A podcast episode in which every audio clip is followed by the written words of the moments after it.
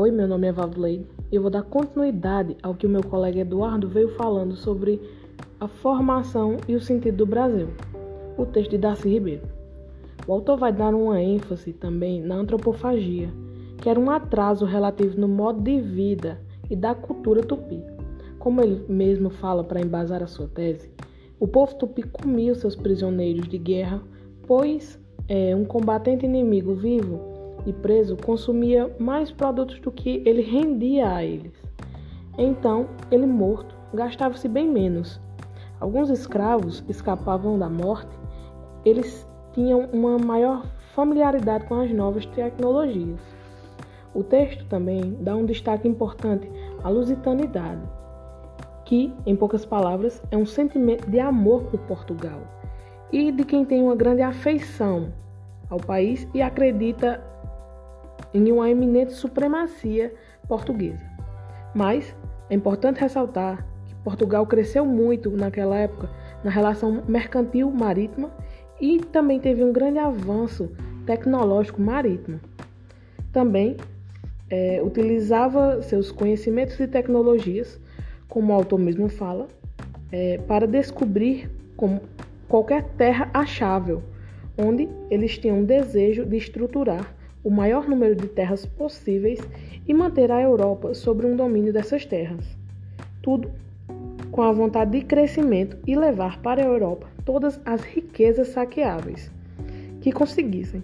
Eles tinham também meio que uma missão salvadora, que era conseguir reunir todos os homens em uma só religião, ou como o texto fala, em uma só cristandade, que no momento, naquela época, estava dividida entre os protestantes e os católicos. O autor vai trazer também, pode-se dizer que o outro lado da moeda, pois vai falar sobre a, da visão dos índios após a chegada daquelas pessoas nas suas terras, é, dos europeus. Pois eles viram chegar nas suas terras grandes embarcações que os surpreenderam. É, e com a, com a visão que temos hoje, jamais deixaríamos aquelas pessoas levarem as nossas riquezas. Mas os índios, como o autor fala, eles acharam que fossem pessoas generosas. E, como todos nós sabemos da história, iniciou-se com uma troca de presentes e os portugueses conseguiram descobrir aos poucos o que a terra que lá chegaram conseguiam oferecer de bônus para eles. Os índios começaram a perceber que, ao passar dos anos, a generosidade dos portugueses caía por terra iniciou-se vários massacres para que a Europa conseguisse o que queria, ter o maior poder possível. Os índios viram viram os estrangeiros tomarem conta da sua, do seu modo de vida, dos seus costumes e principalmente dos seus valores. E eles viram que meio, meio a religião que foi oferecida a eles se transformou em algo ruim e doloroso.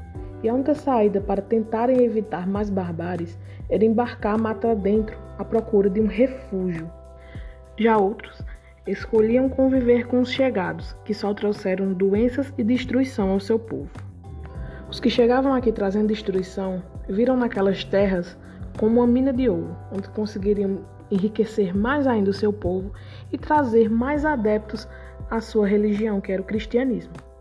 E eles faziam isso sem nenhum peso na consciência, pois eles tinham o aval do Papa e do Rei, os índios traziam em si a tranquilidade de viver em um lugar onde tudo era possível conseguir. Viviam da caça, da pesca, de sementes e tinham sua própria medicina. E, e recebiam bem aqueles que chegavam tranquilos em suas terras. Os portugueses traziam doenças mortais para os índios, pois nunca tiveram contato e tinham um sistema muito frágil para essas doenças. Então fica claro a dualidade na vida dos índios e dos portugueses, onde os índios apenas combatiam quando necessário contra as tribos e viviam tranquilos, e os portugueses e europeus, que eram movidos por ambições, guerras territoriais e a busca de riquezas para seus reinados.